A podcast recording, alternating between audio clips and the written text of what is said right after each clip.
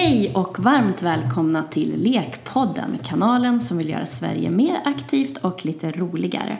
Dagens tema är hur kan vi förbättra möjligheterna för tjejer och kvinnor inom idrotten? Och med oss för det här spännande samtalet har vi Jenny Lidqvist som är grundare av stiftelsen Girls in Sport. Varmt välkommen!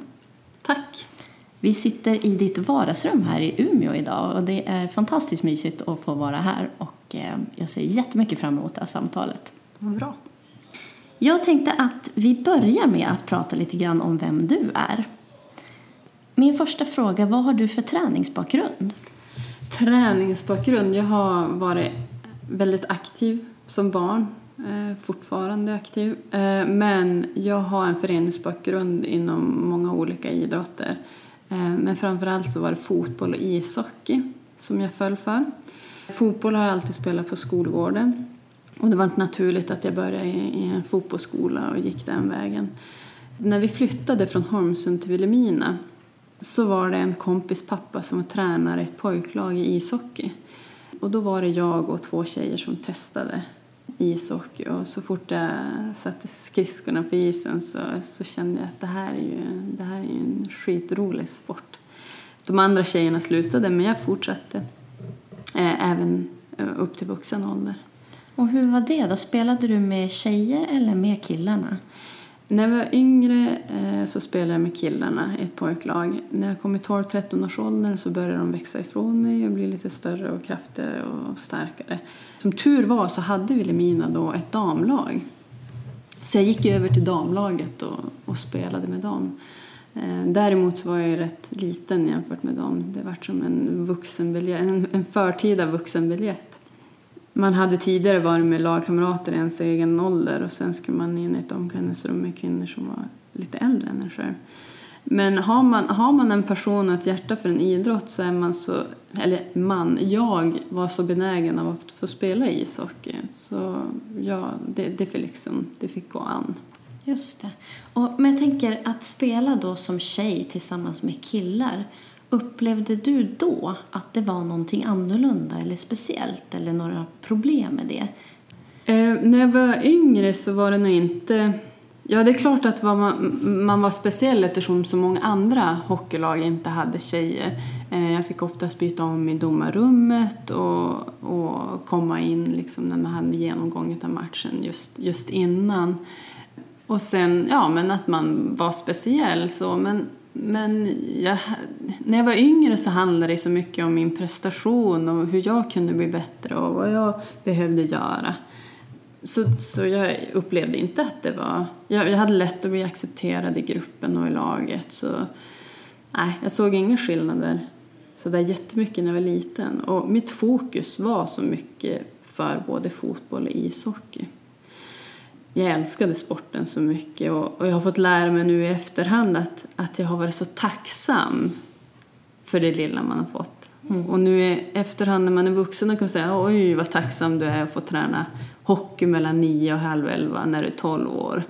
Och så är du uppe i varv och så ska du till skolan dagen efter. Så den insikten kom väl senare i livet när jag drog igång hockeyskola för tjejer i Trixa Ice Hockey Club här i Umeå för fem sex år sedan. Då var den insikten ganska stark och det var att vi var tvungna att jobba på ett annorlunda sätt än vad killar behövde göra inom ishockeyn. Ishallen är ingen naturlig arena för tjejer, för flickor att vara på isen. Däremot är det väldigt naturligt att mammor, flickvänner, systrar sitter vid sidan av och tittar på när mannen presterar eller pojken presterar och yes. hjälper till. Så vi insåg att aha, vi måste liksom jobba på ett annorlunda sätt. Eh, jag och Åsa som är ordförande för Trixa och jag är styrelseledamot i Trixa. Vi jobbade som ledare till hockeyskolan. Vi jobbade även som ledare till flicklaget och har varit väldigt aktiva i damlaget, veteranlaget. Medan inom hockeyn där kan man ganska snabbt få män som ställer sig på isen och, och väljer att vara ledare för killar. Eh, antalet är också en väldigt stor skillnad där vi har kanske 20 stycken tjejer mellan ålder 5 till 7-8 år och killar har men 60-80 stycken i samma årsgrupp. Så hockeyn är egentligen inte en sport för tjejer. Om man ska, Just. om man ska generalisera på så vis. Vad kan det bero på? Ja, alltså den är väldigt manligt kodad, idrotten. Det ska vara temperamentsfullt, det ska vara mycket aggressivitet och det ska hårt. Man, man tror att det är hårt spel, men, men det fina med ishockeyn, som alla som faller för ishockeyn, de känner att det är, det är en komplex idrott och det finns det är så otroligt mycket med styrka och balans och snabbhet och fart och så jag, jag tror att det är just det här att, att ishockey är ja, den, den idrott för män. Där kan man se en naturlig, eh, naturlig gång att killar får en, en bra utveckling och utbildning. Medan tjejer, det, hon ska hålla på med det för, för skojs skull. Eh, och så är det inte lika Just det. utbrett. Jag tänker på, direkt på en reklamfilm som gick för kanske ett år sedan, jag tror det var 2015, eh, som heter Run like a girl. Har du sett den? Ja. Mm. Eh, jag tänker lite på den. Det är så intressant det här att man frågar eh, vuxna personer, kan spring som en tjej. Och både tjejer och killar springer liksom jättefånigt. Så här. Eh, fight like a girl, alltså slåss som en tjej och de liksom står och viftar. Och kasta som en tjej och det är också så här, man bara kastar jättedåligt och fånigt. Eh, eller liksom på skoj så. Medan man sen frågar samma sak till unga tjejer, alltså små tjejer. Och där är liksom, eh, okej om, du, om du ska springa som en tjej, hur springer man då? Då springer man så snabbt man bara kan, svarar de. Och någonstans där eh, finns det ju en, någon slags förväntan, eh, både hos de här små, små barnen och de lite äldre människorna. Man und- jag undrar lite, vad händer på vägen däremellan? Och där tänker jag att alltså det är det här med mm, femininitet och maskulinitet och jag fick ju frågan, alltså jag har väl också fått så här, oj, hockey vad tufft. Och sen har man liksom förväntningar på att man ska vara en tuff tjej och man ska vara hård. Och det är klart att omgivningen i det har väl kanske bidragit till att man har blivit tuff och hård. Men Run like a girl, jag tycker det är ganska intressant för, för det, det är någonting som händer på vägen från det att man är barn till att man är vuxen. Eh, jag har en systerson och när han var fem år och satt bak i bilen hos, i, i mamma och pappas bil då säger han till hans, till hans mamma, mamma, eh, spelar killar fotboll? Och då vart hon så här, ja, jo, det, det gör de. Jaha, okej, har Umeå ett, ett fotbollslag med killar? Eh, jo, sa hon. Och just efter det så ringde hon till mig och, och sa så här, du, Elton tror att det inte finns killar som spelar fotboll. Och då började jag asgarva, för då, då inser ju jag att jag har tagit med honom bara på damidrotter. Jag har tagit med honom på damfotboll, damhockey, daminnebandy.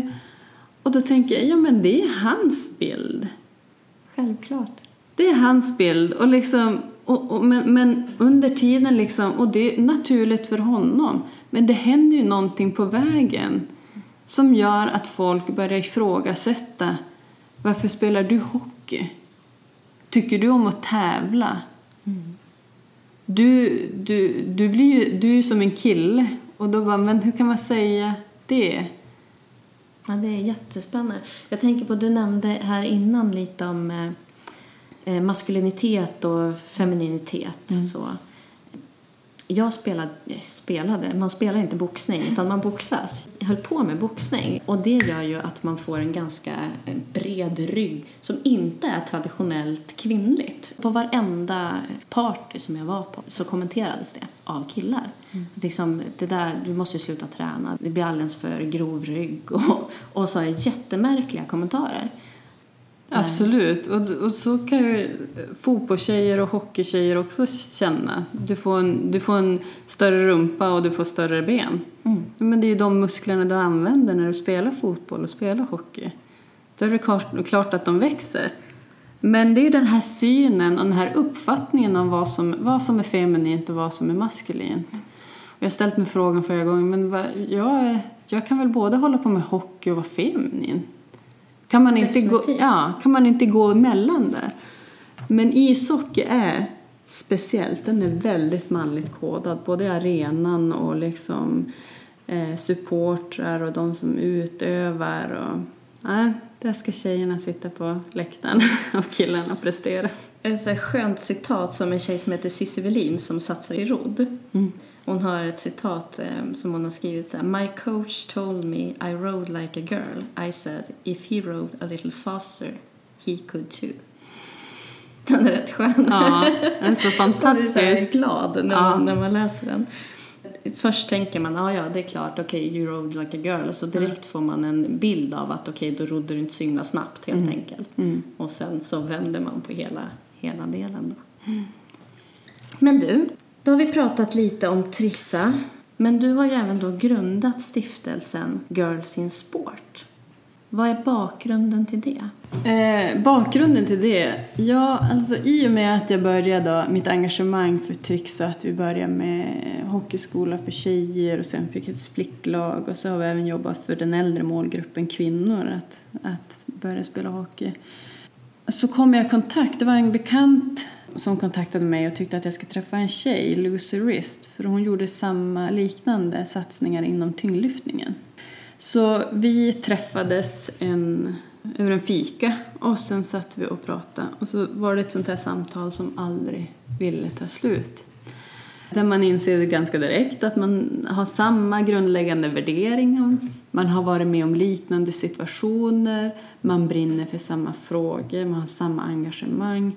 Och framför allt så ville vi bidra till en förändring. Men om vi ser det här, vad, vad kan vi göra? Hur kan vi gå vidare? Så vi satt ganska länge där och pratade och eh, sen vår andra träff eh, Jag måste bara bryta in. Det här ni såg, om vi ser det här, vad kan vi göra åt det? Vad var det ni såg? Det vi såg är att, att tjejer har inte samma förutsättningar, eh, samma möjligheter. Eh, det är svårigheter liksom att ta sig inom idrott och äventyrssport. Och vi ville liksom, men det borde egentligen inte vara så. Det, vi, det är 2000, vad var det då? 2014. Det ska inte behöva vara så. Varför, varför är vi så långt efter? Både jag och Lucy har båda gått en utbildning, en universitetsutbildning och så har vi fått ett bra jobb och en bra lön. Och så går man tillbaka till idrottens värld och så ser man hur traditionsenlig den är. Och om man gör samma jämförelse så sätter du en kille, och en pojke och en flicka som är tvillingar eller samma ålder. Och så får de samma utbildning inom fotboll eller inom hockey eller inom någon annan sport. De kommer ju inte i slutändan med samma lön. Utan då halkar man helt plötsligt jättelångt efter. Så vi satt ju och pratade sådana samhällsproblem och, och liksom såg sådana stora skillnader och, och frågade oss liksom, vem, vad är det som görs idag och hur, och hur gör man? Hur ska vi ta det här vidare? Eh, så det började på den tråden och sen vid andra träffen så, så, så säger Lucy så här att ja, men, ja, jag vill verkligen gå vidare med det här och bli inte rädd nu men jag har en liten projektansökan. Så hon visar mig ett liten, en liten projektansökan och jag sitter och, och bläddrar igenom den och bara Jesus, vad är det här liksom? Det här är, ju- det här är min dröm. Det här är någonting som jag brunnit för i så många år som jag har känt som frustration över och, och så har hon allting på liksom ett papper och så, och så bara presenterar hon för mig och så säger hon så här, vill du göra det här med mig? Vilken häftig grej. ja. det, det är faktiskt en jättehäftig grej för jag varit jätterädd. Jag varit såhär, oj. Åh, Nå, jo, det kändes bara hur häftigt som helst. Men jag var ju liksom uppe i allt med ishockeyn och med mitt jobb och liksom, ja men hela den, jag såg ju det här stora även i, i, i den där projektansökan att det här, det här kan bli bra och jag vill väl ha svar på liksom, ja men hur ska vi gå tillväga, vad ska vi göra, hur, vad, så jag fick lite panik sådär, för jag kände så starkt att det här var så grymt bra. Eh, men vi fortsatte som, och Lucy gasade på och jag bromsade. Och, men, perfekt team. ja, precis. Eh, nej, men vi tog som ett steg i taget och, och rullade igång bollen och fortsatte att prata om det som vi brinner på och var, vars är det, vi vill göra förändringarna.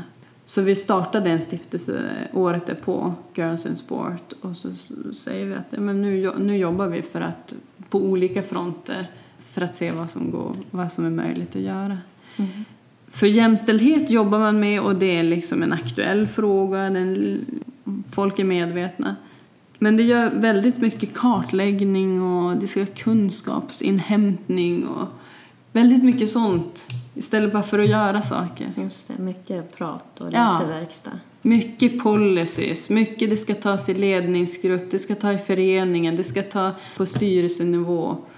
Och sen, hur trattar man ner det? Och när händer någonting? Vad sker? Jag vill inte sitta var hundra år tills vi har vår första betalda ishockeyspelare som tjej.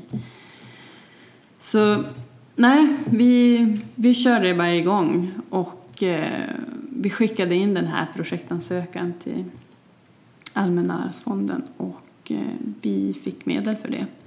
Så Girls in Sport är en stiftelse där vi jobbar med forskning, vi jobbar med projekt, konsult och festivalen.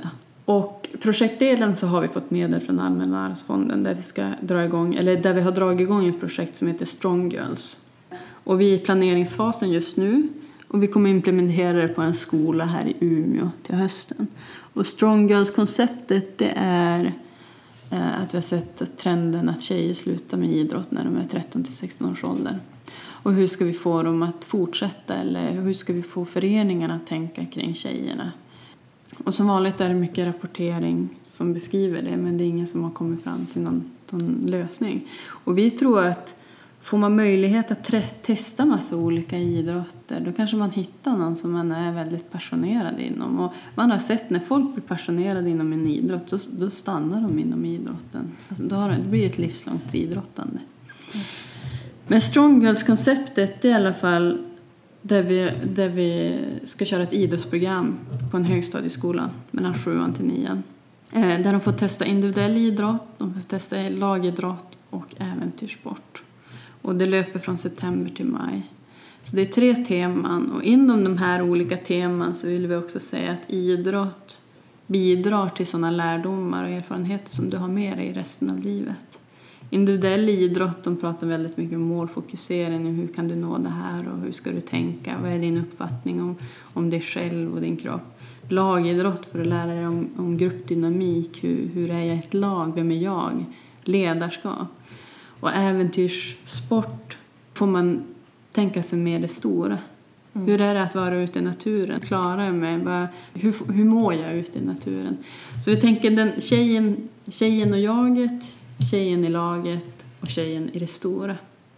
Så vi tänker dels att det är ett idrottsprogram men vi vill också väva in de här bitarna där man faktiskt lär sig. Vad lär jag mig utav i individuell idrott? Och vilka kunskaper kan jag ta vidare och med mig? Så vi vill de, dels att det ska vara idrott, att de, ja, men de kanske får möjlighet nu att testa någon idrott så, så faller de för det. Men inte bara det, utan att det handlar om personlig utveckling och faktiskt en kunskap som du bär med dig.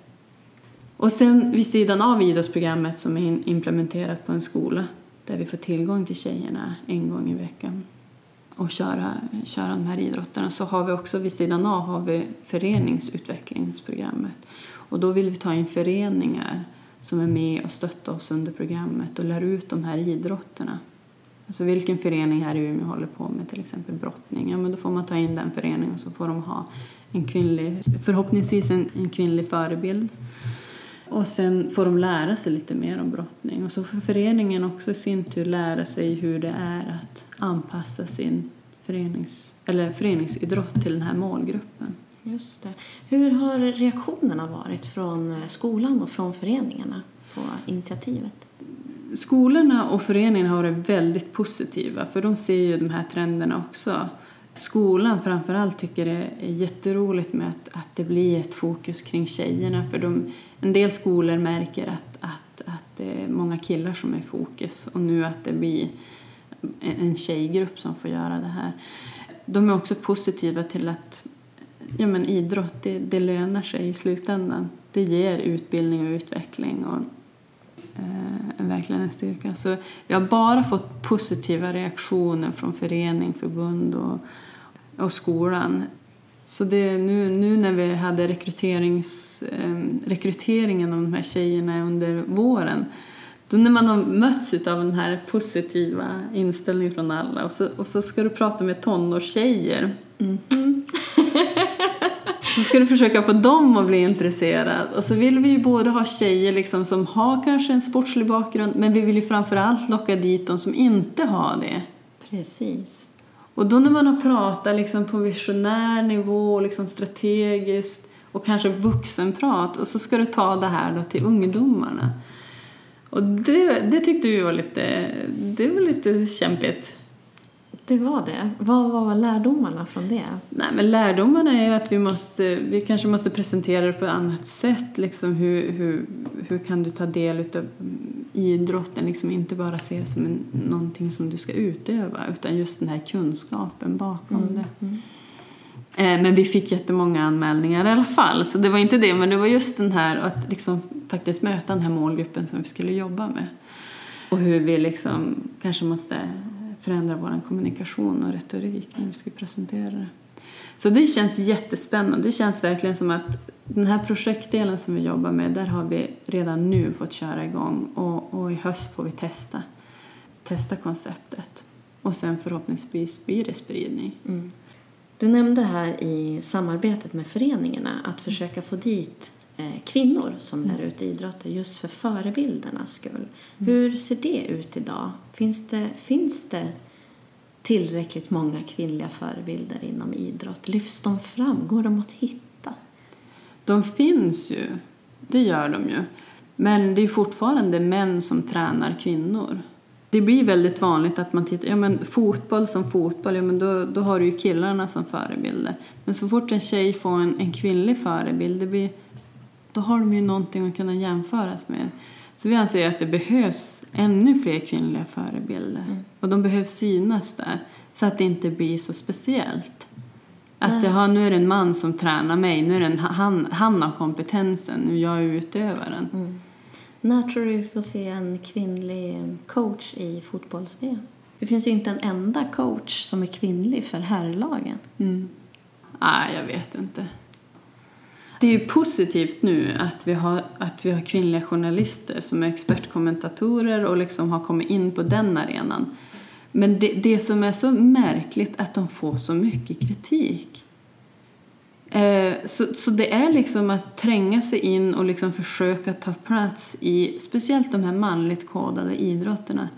Det blir jättemärkliga situationer, det blir jättekonstiga scenarier. Hur, när, när, Fifa visade att man kunde välja damfotbollsspelare och så blir det sånt hat, eh, ja, att folk blir så upprörda. Och då tänker man ju liksom, hur, hur kan det vara möjligt? Så jag tror att det, vi kommer att få vänta ett bra tag. Tyvärr. Mm. Men du nämnde även att ni jobbar med en festival. Precis. Exakt. In, inom Girls in Sport, inom stiftelsen, har vi olika områden som vi jobbar med. Och vi har ju då precis det vi var inne på, om kvinnliga förebilder. Mm. I och med att eh, vi drog igång Girls in Sport och vi drog igång projekt och vi började ha samtal med människor så kommer vi fram till det att vi vill skapa en mötesplats vi vill skapa en mötesplats där man kan träffas, diskutera sånt här och få lyfta för kvinnliga förebilder. Att det är de som är fokus.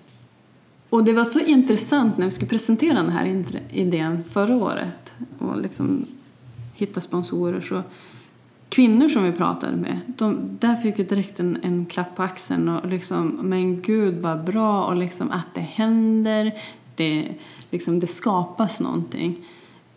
Medan vi hade några som bara, ja, vi förstår fortfarande inte riktigt varför den här festivalen behövs. Jag, jag förstår inte. Och när tredje personen sa det så sa jag så här, det här är jättemärkligt. För du är den tredje mannen som reagerar på det här. Alla kvinnor har på något sätt förmodligen upplevt och känt och tänkt. Men för många män är det en, en insikt som aldrig har kommit till dem det är jämställt för många. Många vill inte liksom se och, och bryta i de här. Eh, så vi kände som att nej men det, här, det här är som att trycka på en knapp. Liksom. Att, nej men det, det finns ett behov. Vi måste ha en mötesplats där vi, kan, där vi går från ord till handling. Där det börjar diskuteras. Vad kan vi göra? Hur kan vi bidra till förändringar? Just att det nästan bekräftades ännu mer i och med ovetskapen Mm, om att precis. det existerar. Så nej, vi, vi hade första festivalen i september förra året och det var en väldigt lyckad festival. Vi var nya nätverk som skapades, nya samarbeten. Ja, men det var, det var, det var bara en plats där, där folk ville vara som var engagerade inom frågan. Eh, så det, det känns kul att vi i år igen ska ha den här festivalen. Och vi har utökat den då till tre dagar, torsdag, fredag, lördag. Där på torsdagen då vill vi jobba väldigt praktiskt med workshops där vi, där vi bjuder in eh, specialister inom sitt område, eller experter liksom, inom sina områden. Och sen bryter man och verkligen går ner och grottar ner sig. Vad är det vi behöver göra för att förbättra inom någon speciell idrott eller kanske på regeringshåll. Så nu, ja på torsdagen då, då är det, det, det är riktigt praktiska workshops som ska bidra till att det händer någonting. Det blir någon slags effekt av det. Eh, och då i år har vi moderatorn Ida Björnstad som jobbar som journalist på TV4 som även kommer berätta om sitt engagemang med Ge bort till sport. Sen på fredagen har vi den klassiska festivalen eh, där vi har inspirationsföreläsningar där vi kan visa att, liksom att ja, men, börja göra någonting.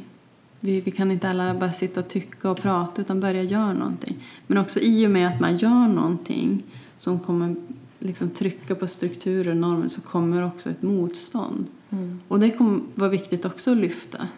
För det är oftast det man får, får känna om man tänker, gör jag något fel? Varför, varför möts jag av det här starka påtrycket? Ehm, Har, du, har ni upplevt sånt här motstånd? För du sa att ni hade fått väldigt positiva reaktioner på era initiativ hittills. Har Ja. ni mött motstånd också? Nej, alltså vi tycker inte att vi har mött så mycket motstånd i stiftelsen. Vi har väl kanske inte varit och liksom petat eller liksom, utan nu är det ju faktiskt positiva grejer vi ska göra. Och, eh, men inom hockeyn, har jag, där jag jobbat tid, eller jobbar fortfarande, där har man ju mött motstånd. Men, men just nu, där vi är nu, där har vi inte mött så mycket motstånd. Vi har varit kritiska till, till ja, ett, ett arrangemang som, som genomfördes här i Umeå. Och, och då kan man ju också vara lite obekväm och, och sådana bitar. Men nej, vi tycker inte att just nu att vi möter så mycket motstånd. Så den här festivalen i alla fall, då är den torsdag, fredag och sen på lördagen så kommer vi ha den första film, Adventure Film Festival där vi kommer visa kvinnor som är både bakom kameran och framför kameran. Alltså kvinnliga äventyrare som gör eh, en hel del häftiga grejer. Det känns jättespännande inför hösten och den här festivalen kommer, ja, vi är väldigt förväntansfulla.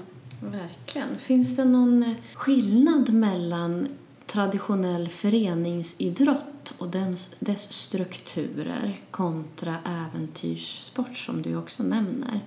För jag tänker spontant sådär, alltså förändra invanda strukturer och värderingar och mönster. Det kan ju ta Typ så hundra år, men, men det tar tid. Ehm, och jag tänker om man, om man startar något nytt eller om man liksom går in i någon lite nyare typ av organisation. Har ni upplevt några skillnader där? Ja, det, förra året på vår festival så kunde vi märka det. Att föreningsidrotten, de brottas ju av att de, är, de ska vara formade på ett visst sätt, organiserade på ett visst sätt. Och... Medan äventyrssport, vi hade några som pratade från Åre och äh, men vi vill köra med freeski. Liksom, och det är nästan inga tjejer som kör. Äh, men vi drar ihop en grupp och så blir den större och större. Äh, men vi vill köra mountainbike och äh, men vi är bara med killar. Det borde finnas fler tjejer som vill göra. Och så drar de igång grejer. Så äventyrssport anser jag också är verkligen nytt och sådär. Äh, men vi kör bara igång. Nu kör vi. Vi, vi lever inte efter några strukturer eller normer. Okej att det finns kanske attityder däremellan. Men föreningsidrotten har ju, och då är det genom, då är det speciella idrotter. Om vi jämför innebandy och, ishockey till exempel. där innebandyn är en ny sport.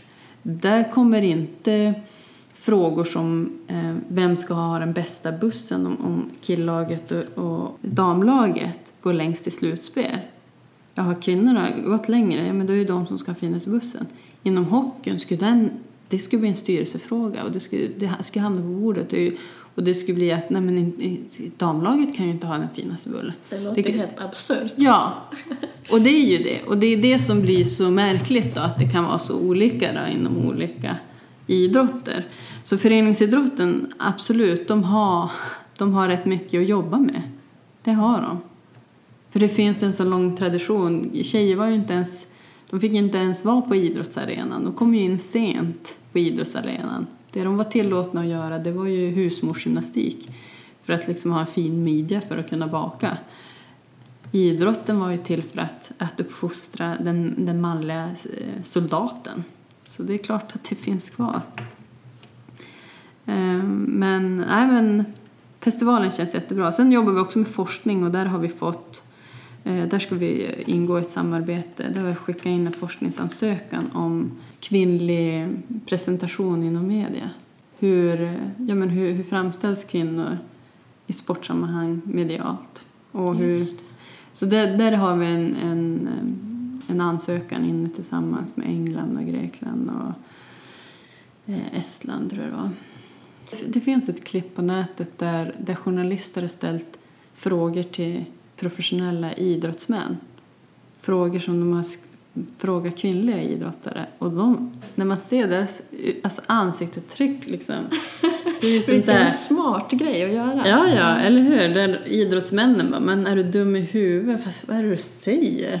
Ja. Medan som tjej, då, ja, då ska du stå där och så ska du vara glad och du ska vara tacksam att de kommer faktiskt hit och intervjuar dig. De, de tar sig tid för dig. Och sen är det ju också det här med att man, man frångår från prestationen mm. till hur man ser ut eller hur man, hur man är eller vad man gör vid sidan av. Och det handlar inte om prestationen. För, för fortfarande mäts ju en mans prestations högre än en kvinnas. Mm. Och innan, ja. Där tänker jag på en sån här sak som att man ibland jämför.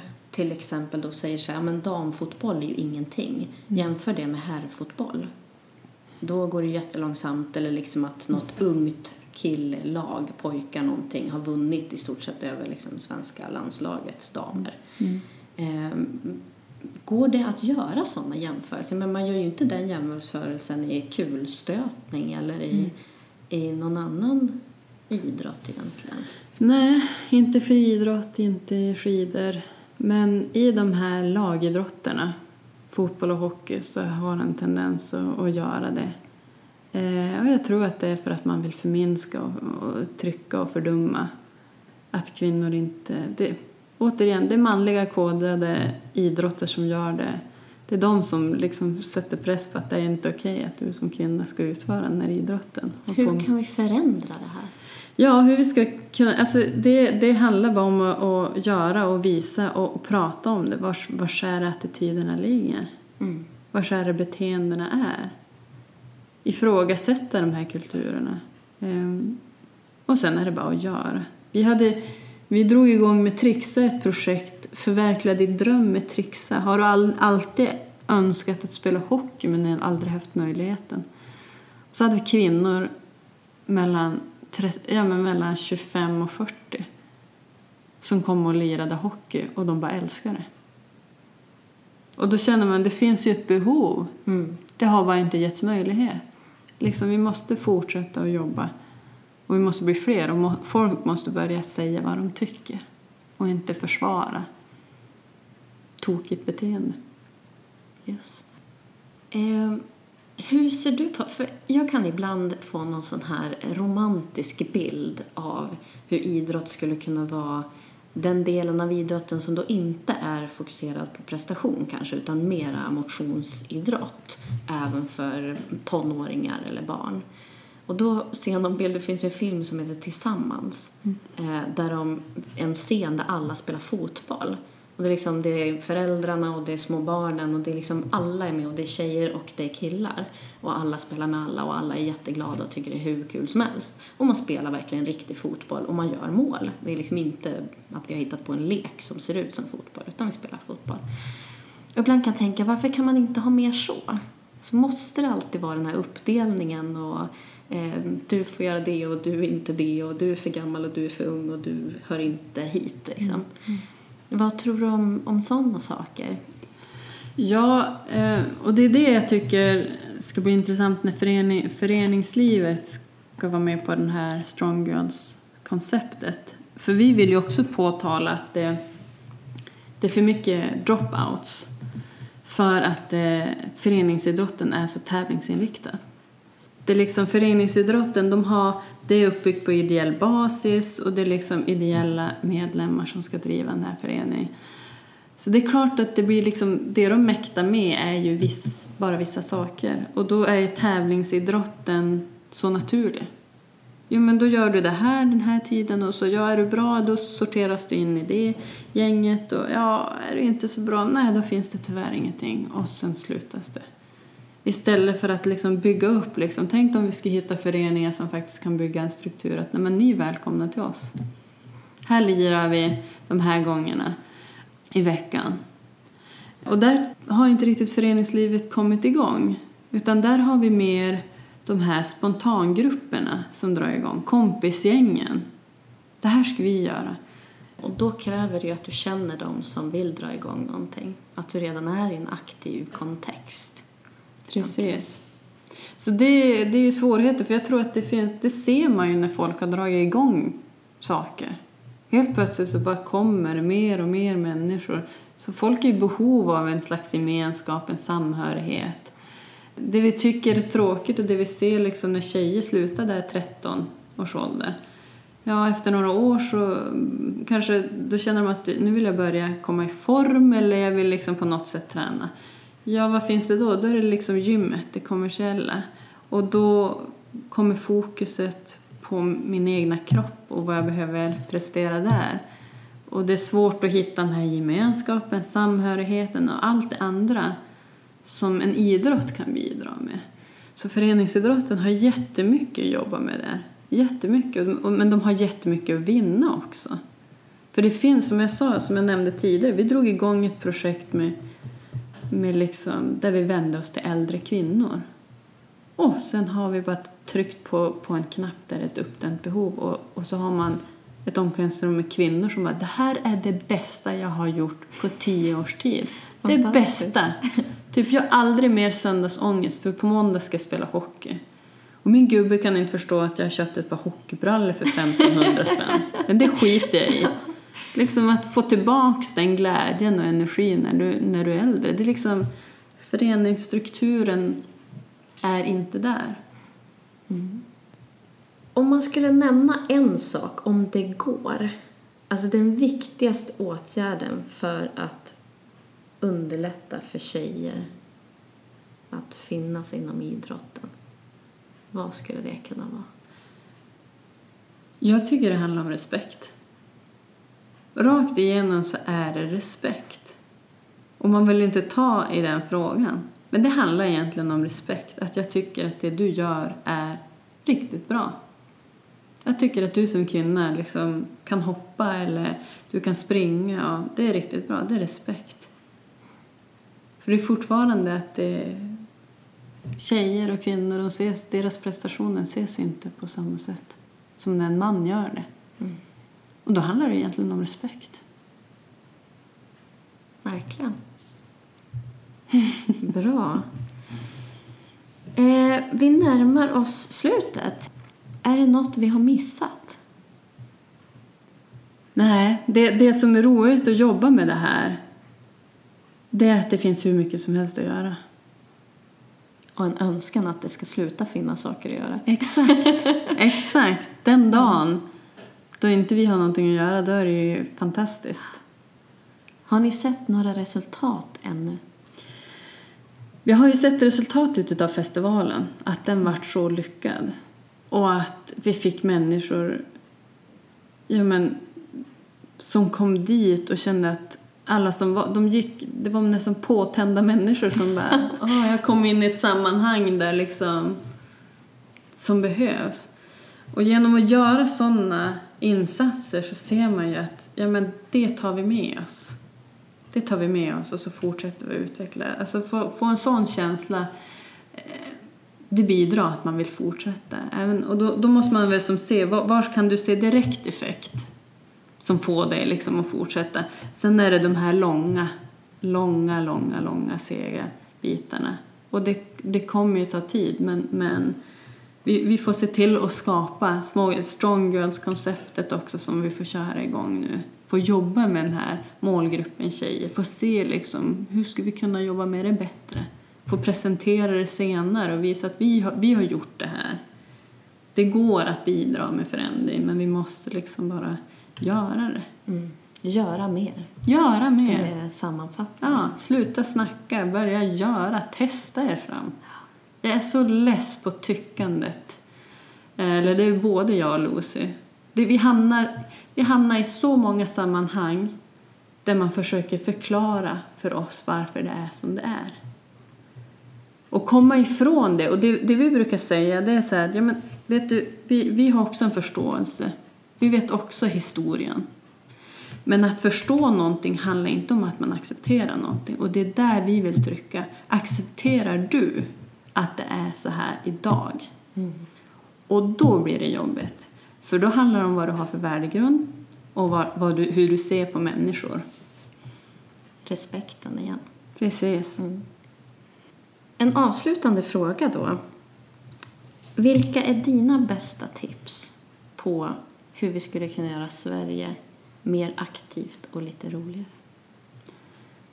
Återigen, det är bara hitta på saker. Testa sig fram. Projekt kan ju sluta med att det är någonting som, som blir ett koncept. Ja, men börja göra saker. Samla er. Ja, men ta, en, ta en idé och så ta ni det vidare och se vad som händer utav det. Ja, men funkar det inte? Nej, då funkar det inte. Hoppa på nästa grej. Det är sånt som man, för, för testar man någonting och sen får man den här energin från människor som sätts i det och liksom hela den, ja men då är det en boll som kan bara växa sig större och större och större. Börja göra saker. Grymt. Mm. Ja, bra. Tusen, tusen tack för att du fick komma hit idag. Det har varit ett stort nöje. Ja, men tack själv.